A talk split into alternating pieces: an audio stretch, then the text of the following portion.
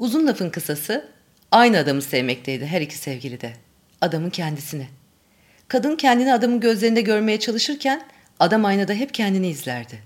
Kadın adamın bu sebeple kör olduğunu hiç düşünmezdi. Kendisini görünmez hissederdi.